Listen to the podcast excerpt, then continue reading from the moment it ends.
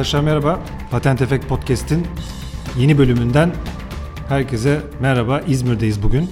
İzmir'de çok keyifli bir ofiste Maya girişimin ofisinde bugün ev sahipliği yapıyor kendileri. Ezgi'ye de buradan tekrardan teşekkür ediyoruz Maya girişimin ev sahipliği için. Bugün yine çok değerli bir misafirim var. Ee, Manisa'daki dev firma Vestel'den, Vestel Elektronik'ten Kemal Rıfat Aygör'le birlikteyiz. Kendisi Vestel Elektronik'te lisans program yöneticisi olarak görev yapıyor. Kemal Bey hoş geldiniz. E, hoş bulduk Mustafa Bey. E, çok teşekkür ederim beni e, podcast'ine davet ettiğiniz için. E, çok memnun oldum. Çok sağ olun. Valla kırmadınız geldiniz. Çok teşekkürler. E, ama İzmir'de oturuyorsunuz değil mi? Evet, evet. Uzun yıllardan bu yana İzmir'de oturuyorum.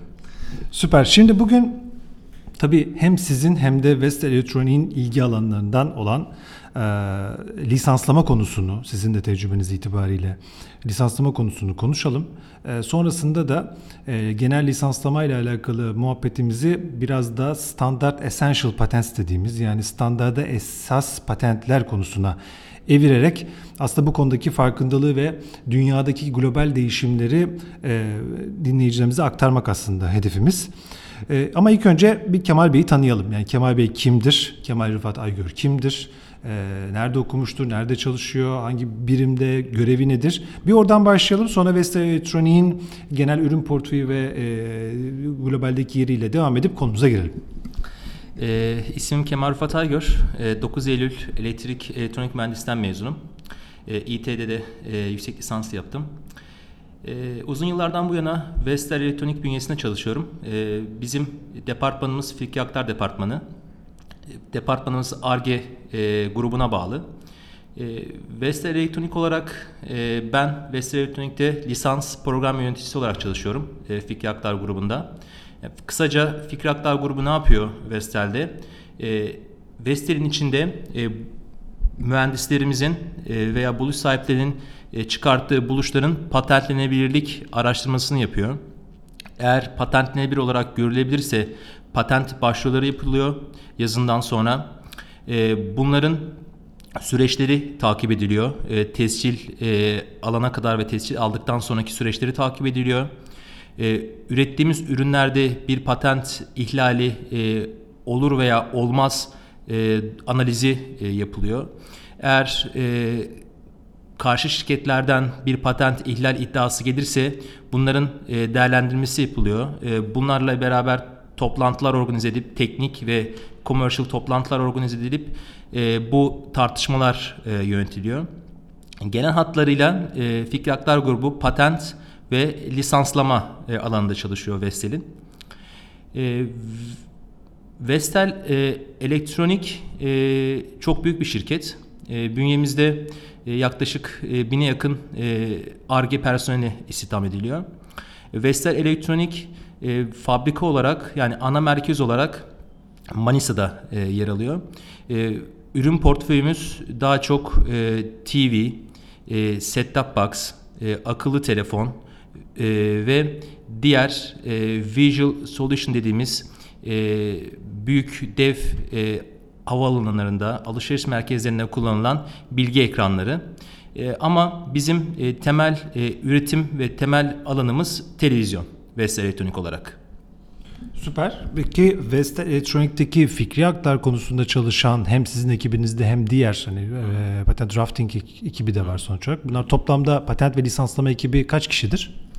E, şu an e, bölüm müdürümüzle beraber 9 kişiyiz. E, geçen haftalara kadar 10 kişiydik. Bir arkadaşımız ayrıldı. Hı hı. Şu an e, bölüm müdürümüzle beraber 9 kişiyiz. Yurt dışına mı gitti yoksa? Yok buralarda e, Türkiye içinde tamam. e, ama başka bir iş koluna e, dönmeyi düşündü.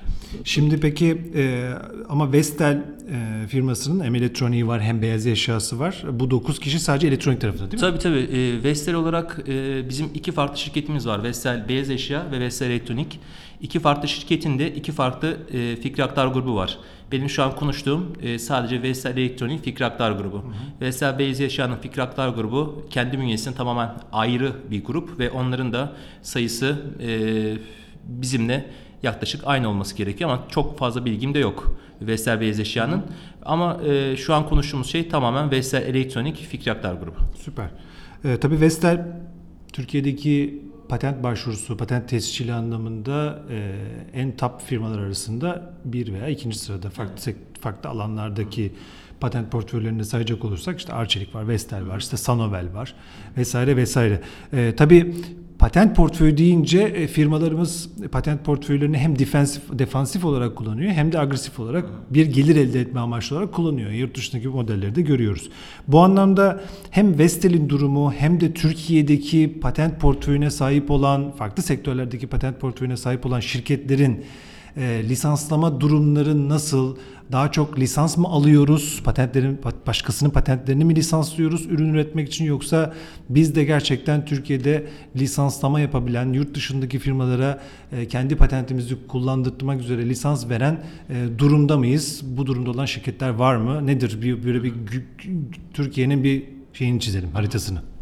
E, şimdi Vestel elektronik olarak biz Türkiye'de en iyi şirketlerden biriyiz patent başvurusu açısından. Çünkü bizim belirttiğim gibi Vestel Beyaz Eşya ve Vestel Elektronik olarak ayrı iki tane şirketimiz olduğu için bizim yaptığımız başvurular, Vestel Elektronik olarak yaptığımız başvurular e, büyük bir e, oranı elektronikle ilgili. E, bu bağlamda e, bizim şu an e, Türkiye'de e, çok büyük bir rakibimiz yok patent başvurusu açısından.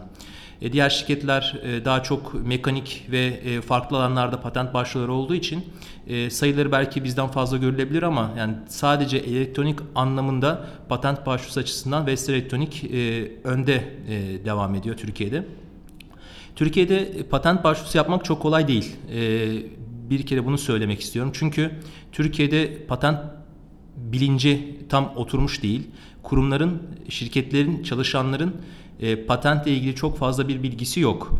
Yani e, eğer akıllarına bir fikir geldiğinde e, veya e, inovatif bir düşünceleri olduğunda bunları nasıl koruyacaklarını veya bunları e, nasıl e, ticarileştirebilecekleri konusunda çok fazla fikirleri olmadan e, işe başlıyorlar ve işte e, devam ediyorlar. Biz bu döngüyü kırmak istiyoruz aslında Vestel Elektronik olarak. Bu bağlamda e, çalışanlarımıza devamlı e, eğitimler veriyoruz. Bu bilinci oluşturmaya çalışıyoruz. Bu bağlamda da e, bazı yıllarda patent başvuru sayılarımız oldukça yükseliyor. 2017 yılında EPO'da en fazla patent başvurusu yapan şirketlerden biriydik. Hatta Türkiye'de tek şirkettik. E, fakat e, şöyle bir e, problem var e, Türkiye'de. E, patent başvuruları e, yapılıyor fakat patent başvurularının e, harcadığınız e, masraf karşılamanız için bunları lisanslamanız gerekiyor veya üretime aktarmanız gerekiyor. Türkiye'deki şirketlerin veya Türkiye'nin e, şu anki problemi aslında e, çıkarttığı patent başvurularını üretime ya aktaramamak veya bunu lisanslayamamak. Bunun da aslında e, en önemli problemi e, değerli patent oluşturamamak. Yani Türkiye'de e, şöyle bir e, bilinç var. Hem e, kamu kurumlarında hem de e, bürokraside hem de şirketlerde. Bizim için e, patent başvuru sayısı önemli. E, ben binlerce patent başvurusu yaparsam ben e, yenilikçi bir şirketim ya da ben büyük bir şirketim gibi bir e, imaj e, doğuyor. İlla bu endeksler devreye giriyor. Evet, yani sayı. Ama dünya aslında e, sayıya odaklanmamış durumda. Sayı bunun bir sonucu. Dünya e, yenilikçi veya bunu lisanslayabileceği veya bunu üretimde kullanılabileceği başvurulara ve buluşlara yönelmiş durumda. Yani e, patent başvurusu çıkartmak için değil, bundan para kazanmak için, e, bunu ticarileştirebilmek için e, yola çıkıyor şirketler. Zaten bu şekilde yola çıktığınız durumda eğer sizin e, güzel bir e, projeniz varsa, e, sizin değerli bir projeniz varsa sizin bunun sonucunda onlarca yüzlerce patent başvurunuz oluyor. E, bu bağlamda Türkiye'deki e, şirketlerin ve kamu kurumlarının en büyük eksiği bu. Yani patent bilincini oluşturamamak. Bu bağlamda şu an son durumda benim en azından bildiğim kadarıyla lisans verilen patent çok fazla yok diye biliyorum Türkiye'de şirketlerin. Belki ilaçlarda e, tek tük patentler olabilir lisans verdikleri. Ama e, şu an Türkiye'nin patente harcadığı e, paranın çok büyük bir oranını şu an e, şirketler ve kamu e, cebinden karşılıyor. Bunları geri döndürebilmiş değil. Yani aslında ARGE harcamalarımızın bir diğer e, harcama kolu olarak devreye giriyor patent konusu. Evet. Genelde defensif olarak prestij açısından portföyde dursun diye genelde bir strateji hakim. Tabii ki de bu belki de lisanslayamadığımız için bu strateji hakim olabilir. Bunu tam tersine döndürecek şekilde bu patentlerimizden değer elde edecek, para elde edecek bir e, modelde bir vizyona sahip olmamız gerektiğini e, ifade ediyorsunuz. Evet. E, bu noktada tabii Türkiye'de hani lisanslama sayıları az çünkü ne Türkiye'de Track Discovery var ne Türkiye'de bu konuya geleceğiz standarta esas olmuş patent var. E, böyle olunca globalde e, kullanıma sunacağımız, lisanslayacağımız patent sayısı da e, haliyle az olabiliyor. Peki e, tamam Türkiye'deki lisanslama durumu okey düşük. E, peki bu şeye doğru geçersek eğer evet patent bizim portföyümüzde önemli bir prestij sağlıyor. Ama globaldeki işte Philips'iydi, Huawei'siydi, işte bu Big Boys, Nokia'sıydı, Microsoft'uydu. Bunlar gördüğümüz kadarıyla bir standart peşinde koşuyorlar. Evet. Şu konuyu bir açalım mı? Yani bu standart nedir? Nasıl hangi buluşlar standart olabiliyor? Ee, standart olabiliyorsa bunun prosedür nedir? Ee, standarda esas patent yani standart essential patents hı hı. nedir? Neden önemlidir? Ee, çok merak edilen bir konu. Ee, Türkiye'nin gündemine de girmiş durumda. Türk Patent bu konuda bir çalıştay da yaptı. Ee, sanırım yukarıdan da bir bu konuya eğilin diye bir e, yönlendirme de var. Bunu biraz deşelim. Tabii. Şimdi e, şöyle bir örnek vereyim ben standart e, konusunun çok iyi anlaşılması için. Bu standart derken teknik standarttan bahsediyoruz. E, şimdi sizin bir telefonunuz var veya sizin bir ürününüz var. Bu ürünün Türkiye'deyken de çalışmasını istiyorsunuz veya internet bağlantısını e, almasını istiyorsunuz. Almanya'ya gittiğinizde de, Japonya'ya gittiğinizde de, Amerika'ya gittiğinizde de bu telefonunuzun internet bağlantısına sahip olmasını istiyorsunuz veya telefonların birbirleriyle haberleşmesini istiyorsunuz. Bu bağlamda e, ülkelerin veya e, devletlerin standartlara ihtiyaçları var. Ürünlerde e, siz farklı yerlere gitseniz de, farklı ülkelerde bulunsanız da birbirleriyle haberleşebilecekleri, birbirleriyle veya başka cihazlarla e, bilgi gönderebilecekleri tek bir standart olması gerekiyor. Böylece e, farklı farklı standartlar arasında uyumsuzluk ortadan kalkmış oluyor. Böylece e, Avrupa'da, Amerika'da, Japonya'da e, standartları çıkaran organizasyonlar e, belli zamanlarda toplanıyorlar ve e, endüstrinin ihtiyacı olan standartları e, oluşturmaya başlıyorlar. Bunun için e, şöyle bir e, aşama e, söz konusu. İlk başta bir test grup oluşuyor. Bu test grupta e, standart e, organizasyonuna katılan şirketler, gruplar e, endüstrinin neye ihtiyacı varsa belirliyorlar. E, bununla beraber e, ilgili e, teknolojide ilgili e, alanda örnek mesela Wi-Fi, örnek mesela T, T2, örnek 5G, şu an 6G gibi alanda fikir birliği oluşturuyorlar. Sonra bir sonraki aşama working gruplara geçiliyor. Bu working gruplarda artık şirketler, katılım yapan şirketler submission'lar sunuyorlar. Bunlar e, daha önce zaten bu konularda çalışan, e, çalışmayı amaçlayan şirketler oldukları için kendi bünyelerinde bu konuları zaten halihazırda çalıştıklarından ellerinde hazır bilgiler ve ellerinde hazır projeler var. Working Group aşamasına geçildiğinde şirketler kendi submissionlarını toplantılarda sunuyorlar. Bununla beraber bu submissionlarla beraber bir draft standart oluşuyor. Bu draft standart toplantıya katılanlar arasında oylanıyor. Ve mesela Wi-Fi standartında 175'lik bir e, oran vardır. 175 e, oranını, e, oy oranını e, siz yakalarsanız submission'ınız kabul ediliyor. E, sonrasında standartınız son halini, e, approval halini alıyor ve yayınlanma sürecine geçiliyor. Ama işte bu e, standardın başlamasından bitmesine kadarki süreç anlattığım kadar e, kısa değil. Yani bu e, genelde yaklaşık 2, 3, 4 yıllık bir süreçten bahsediyoruz. E, burada tabii e, katılan şirketlerin katılımcı sayılarının çok önemi var. Çünkü oylamadan bahsediyoruz. E, buraya Wi-Fi standartına mesela örnek verirsek katılan şirketler Huawei, Nokia, e, Qualcomm, LG, şu an bildiğim kadarıyla e, en son Wi-Fi standartına katılan 30'dan fazla şirket var. Ama önemli olan aslında şey değil, e, sayı değil. Önemli olan katılımcı sayısı. Yani siz eğer Huawei'den 40 kişi, 60 kişi, 70 kişi standart toplantısına e, gönderebiliyorsanız e, tek bir katılımcı gönderen şirketlerin karşısında çok büyük üstünlüğünüz var demektir. Burada şeyler başlıyor artık. Şirketlerin birleşip birbirleriyle anlaşıp veya e, kendi katılımcı sayısı gücüyle beraber kendi submissionlarını standarda sokabilme durumuna geliyor. Yani büyük bir lobicilik faaliyeti, Kesinlikle. birbirleriyle olan ilişkiler değil Kesinlikle. mi devreye giriyor. Şimdi mesela şu olabilir mi o zaman? Ee, o Wi-Fi standart e, working gruba Nokia ile Microsoft sonuçta Microsoft Nokia'yı satın aldı. Evet. Ama ikisinde tüzel kişiliği farklı. Evet. Bir, e, bir birleşip kişi sayısını birlikte ortak arttırarak dolayısıyla oradaki submission'ını kabul ettirme konusunda önemli bir avantaj sağlayabilirler değil mi? Yani e, bunu e, yasal olarak yapamazlarsa da bile e, normal şartlarda yapma e, imkanları var. Burada bir rekabet hukuku da devreye giriyor değil mi? Tabii yani bunu normal şartlarda yapamıyor olmalarına rağmen ama e, arka planda bunu engelleyebilecek bir sistem yok. Sonuç olarak Huawei'in veya e, Nokia'nın veya Qualcomm'un yaptığı submission'ları e, oylarken herkes e, oyunu veriyor. Bu oyu verirken e, sonuç olarak bu nasıl verildiğini kimse e, ölçüp tartmıyor.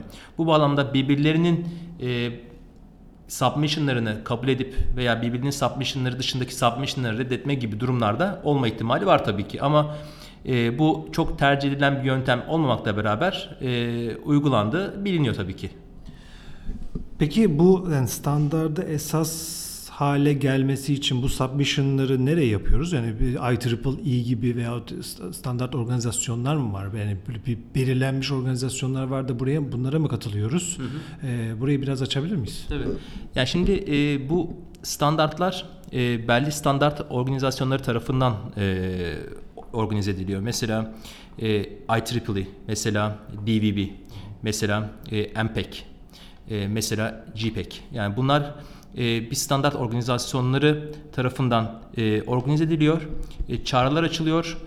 Test gruplar oluşuyor, working gruplar oluşuyor. Sonrasında standart oluştuktan sonra yayınlanıyor. Her teknolojinin hitap ettiği bir kesim var. Yani consumer electronic'teki e, teknolojiler, standartlar farklı, akıl telefonlardaki standartlar farklı, IoT'deki e, durum farklı veya başka sektördekiler durum farklı. Yani o yüzden e, her sektörün kendi standardı var, teknik standardı var. Bu standardı oluşturan veya bu standardı yöneten bir organizasyon var. Bunlar e, genelde Avrupa çapında olabiliyor, uluslararası olabiliyor. Yani durumuna göre değişiyor bunlar. E peki hani standarda esas patent haline geldiği zaman benim patentim bana ne avantaj sağlayacak? Yani biz bu konuya neden bu kadar önem veriyoruz? Ee, Türkiye olarak neden önem veriyoruz? Globaldeki firmalar niye önem veriyor? Şimdi Qualcomm'un elinde 100 tane standarda esas patent varsa ona ne avantaj sağlıyor bu iş? Şimdi e, şundan başlayayım isterseniz. E, elimizde ya kavram olarak bir patent var. Bir patent kavramı var. Bu patent e, ikiye ayrılıyor. Bir standarda esas patent, bir standarda esas olmayan patent. Şimdi standarda esas olan e, patentler size tekelci yetki vermiyor. Bu önemli farkı standarda esas olmayan patentlerden. Standarda esas olmayan patentlerde sizin tekelci yetkiniz var. Yani siz e, istediğiniz gibi e, ürünlerinizi kendiniz üretebilirsiniz, başkasına ürettirmeyebilirsiniz. Bu sizin elinizde. Tekelci yetkiye sahipsiniz. Ama standarda esas patentte tekelci yetki elinizden alınmış durumda. E, standarda esas patent peki nasıl oluşuyor? Şimdi e, standarda esas patent standardın içindeki herhangi bir e, feature'la ya da herhangi bir özellikle herhangi bir kısımla alakalı olabilecek patente standarda esas patent diyoruz. Yani siz standardı kullandığınız zaman, standarda uyumlu olduğunuz zaman eğer e, o patentin içindeki feature'ı gerçekleştiriyorsanız standarda esas patenti kullanıyorsunuz demektir. E, şimdi standart çok büyük bir e, kavram ve standart çok büyük e, bir döküman, e, yazılı bir kaynak.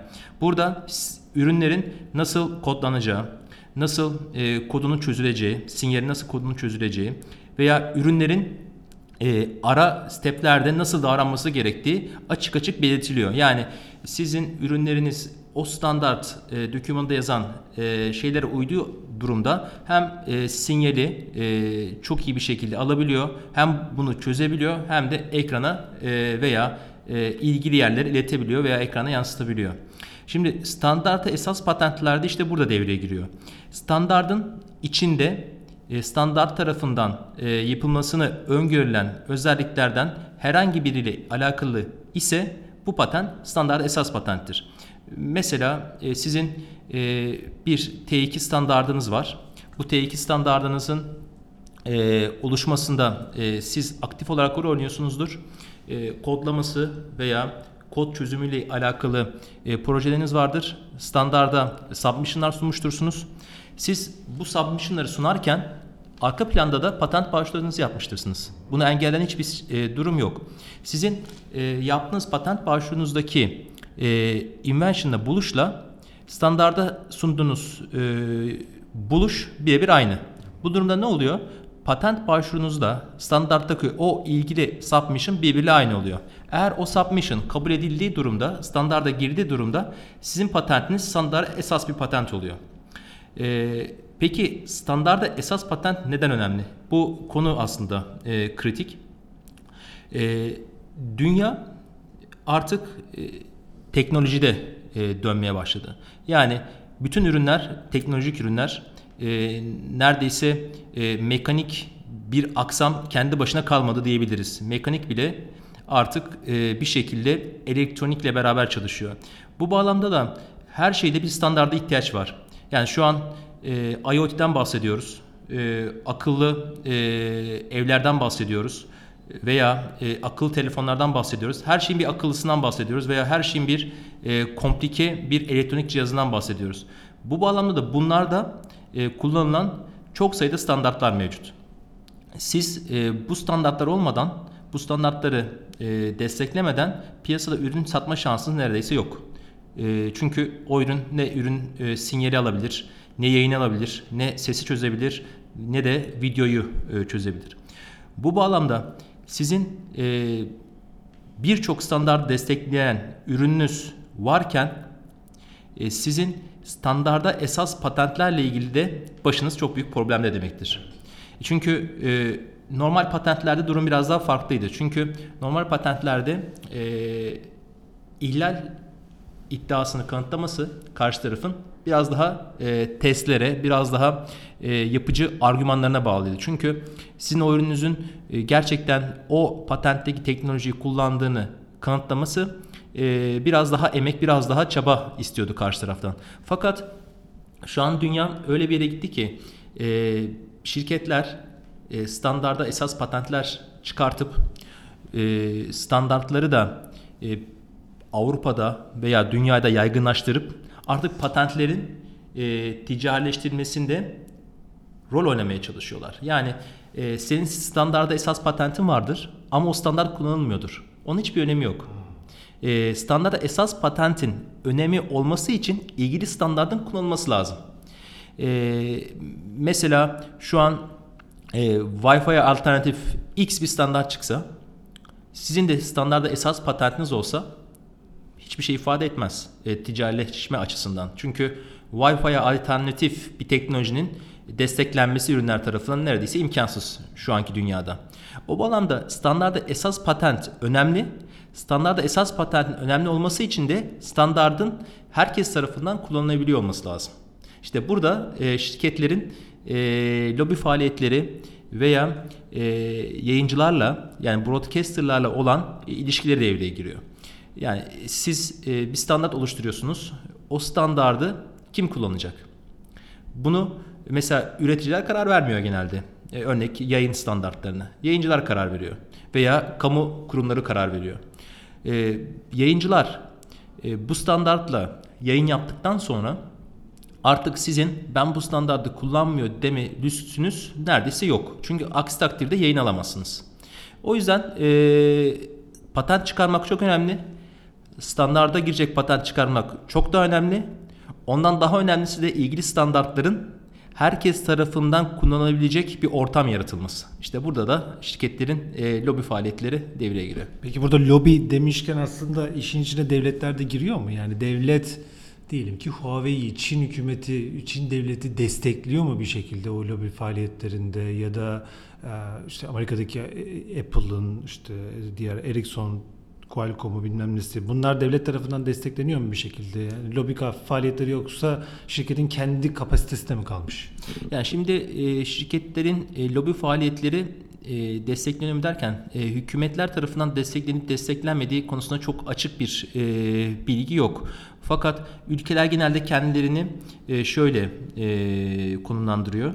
Ben hangi standardı e, kullanılmasını e, isteyeceğim ya bu hangi standardın kullanılması benim avantajıma e, hangi standartın kullanılmaması benim avantajıma bunu değerlendiriyorlar kendi e, menfaatleri açısından.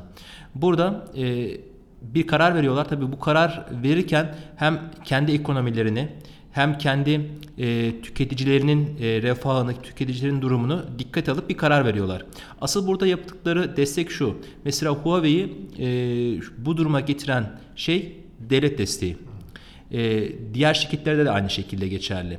Yani sizin e, bir desteğiniz olmadan e, bu alanlarda ilerleme şansınız neredeyse imkansız. Çünkü biz buna şey diyoruz, kartopu efekt diyoruz. Sizin e, bir patent başvurunuz var, e, standarda esas patentiniz var ve bu standarda esas patentten para kazanmaya başlıyorsunuz. Bu para kazanmaya başladıktan sonra gelen parayı ARGE'ye yatırıyorsunuz.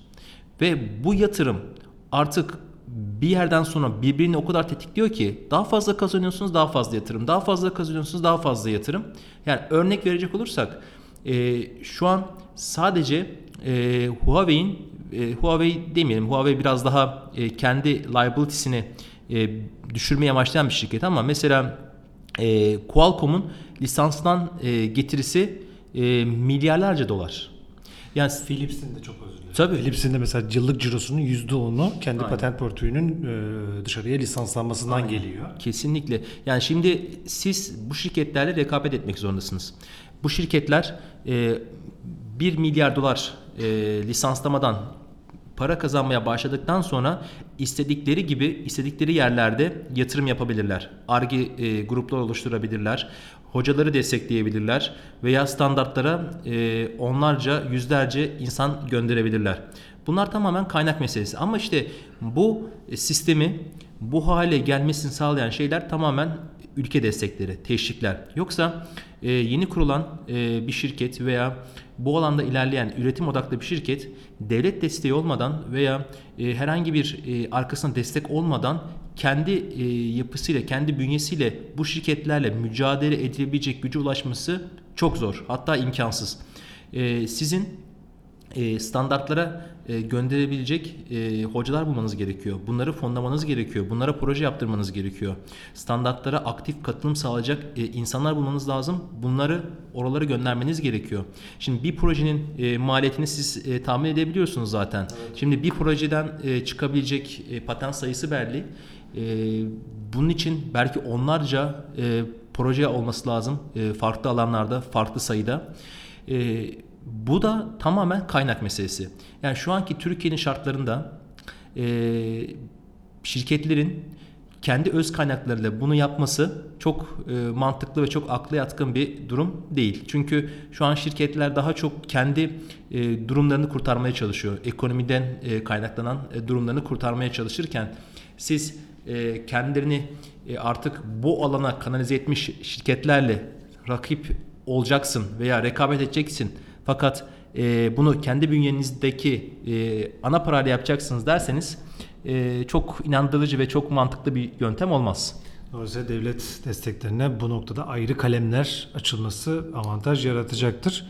Ee, yani bu standarda esas patente sahip olan Qualcomm'un falan e, bütün kendi sektöründe aslında liderliği olmasına da büyük avantaj sağlıyor.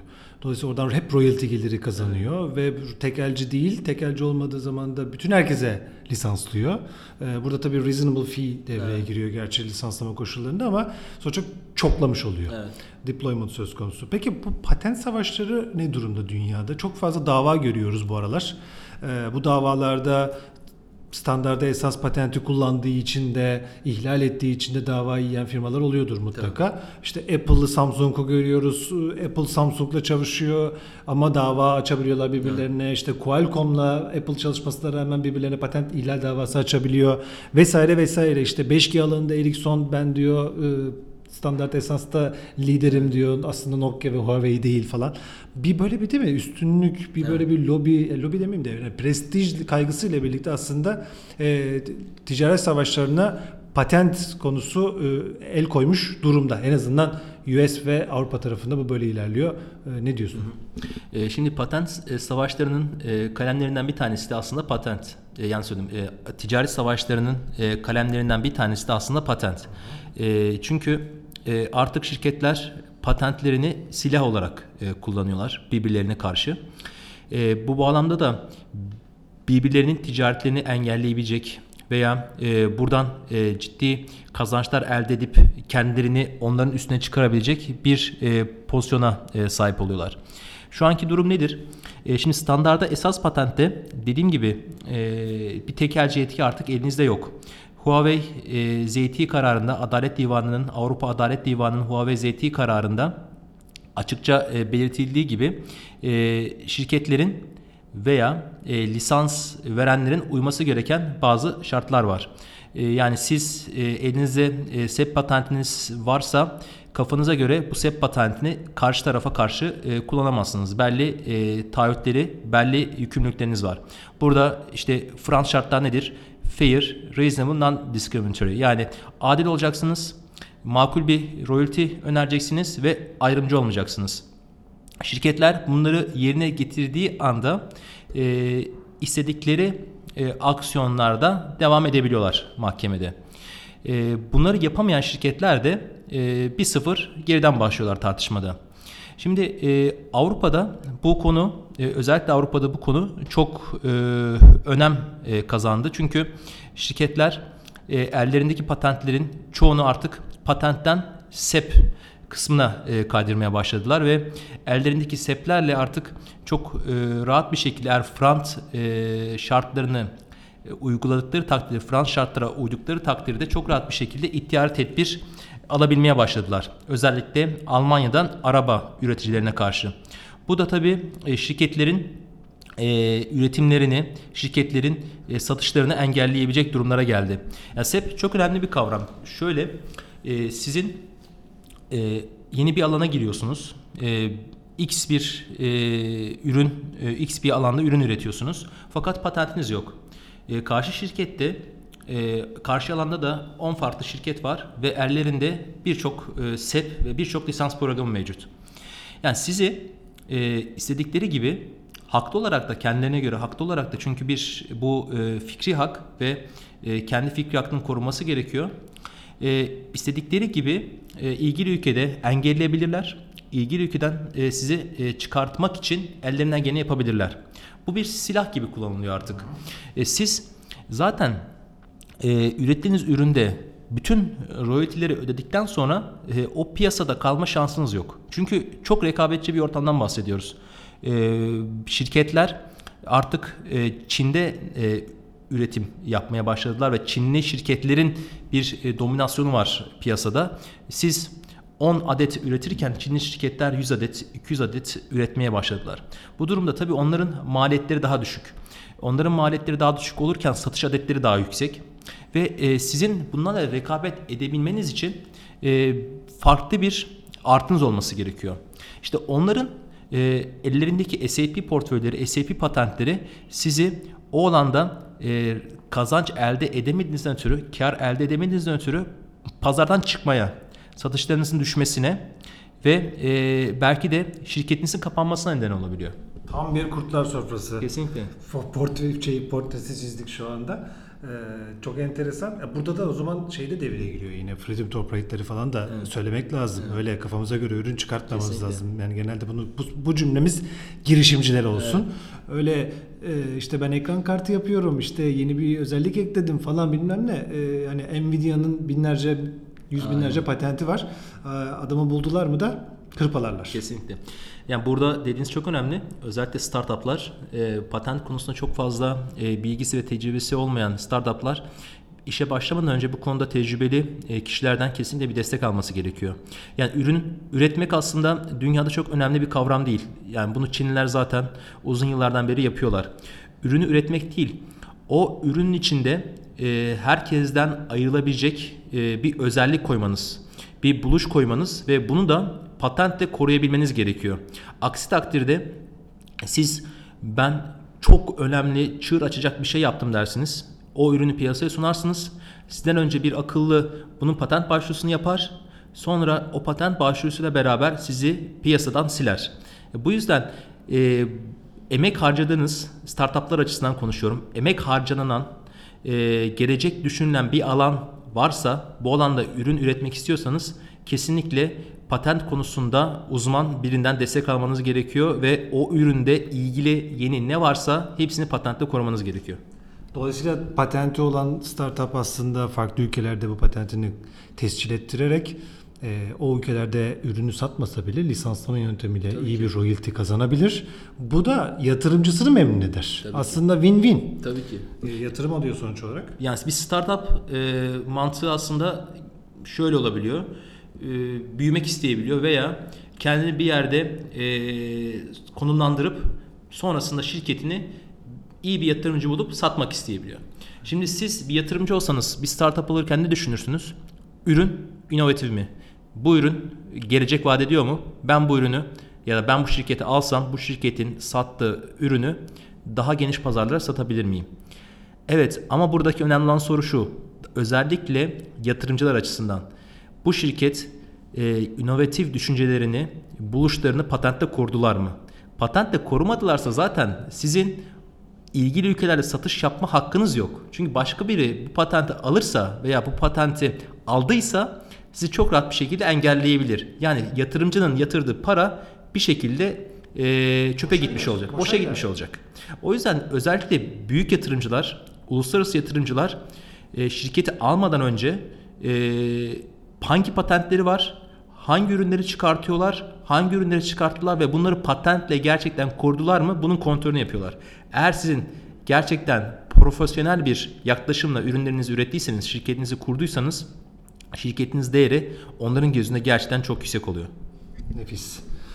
Evet 37 dakikayı geçmişiz. Ee, konuşsak konuşuruz bu konuda. Tabii. Gerçi öğleden sonra konuşmaya devam edeceğiz biz. Ee, isterseniz burada bir e, stoplayalım. E, tabii ben daha sonra İzmir'e tekrar geldiğimde bunun volüm volüm ikisini de çekeriz. Kemal Bey. E, çok teşekkür ediyorum e, katkılarınız için. Çok keyifli bir muhabbet oldu. Çok da teknik konuştuk bu evet, tabii. Ben de çok teşekkür ederim. Yani bu konu aslında çok e, konuşulduğu takdirde çok uzun konuşulabilecek bir konu. Çünkü ucu bucağı yok. Patent ayrı bir e, konsept. E, SEP ayrı bir konsept, ticaret savaşları ayrı bir konsept. Yani bunların hepsi ayrı günler alabilecek bir şey. Bunları özetlemeye çalıştık yani kısa bir zaman içinde. Evet. Ben de çok mutlu oldum. E, beni davet ettiğiniz için ben de çok teşekkür ederim size. LinkedIn hesabınızı paylaşabilir miyiz description bölümünde? Tabii ki, tabii ki. Her Belki zaman. sizinle temas etmek isteyenler olabilir. Evet. Çok teşekkürler Kemal Bey. Ee, izninizle ben bölümü de kapatacağım. Ee, çok sağ olun. Çok teşekkür ederim ben de. Çok sağ olun. Evet arkadaşlar Patent Efekt Podcast'in bu bölümünde burada sonlandırıyoruz. Ee, biliyorsunuz bizi Twitter ve LinkedIn hesaplarımızdan takip edebiliyorsunuz. Bölümlerimizi de Spotify, Apple Podcast, Google Podcast hesaplarından dinleyebilirsiniz. Aynı zamanda anchor.fm adresimizden diğer platformlarda yayınlanan bölümlerimizi de dinleme şansınız var. Artık bir sonraki bölümde hangi konuyu işleyeceğimiz sürpriz. Görüşmek üzere.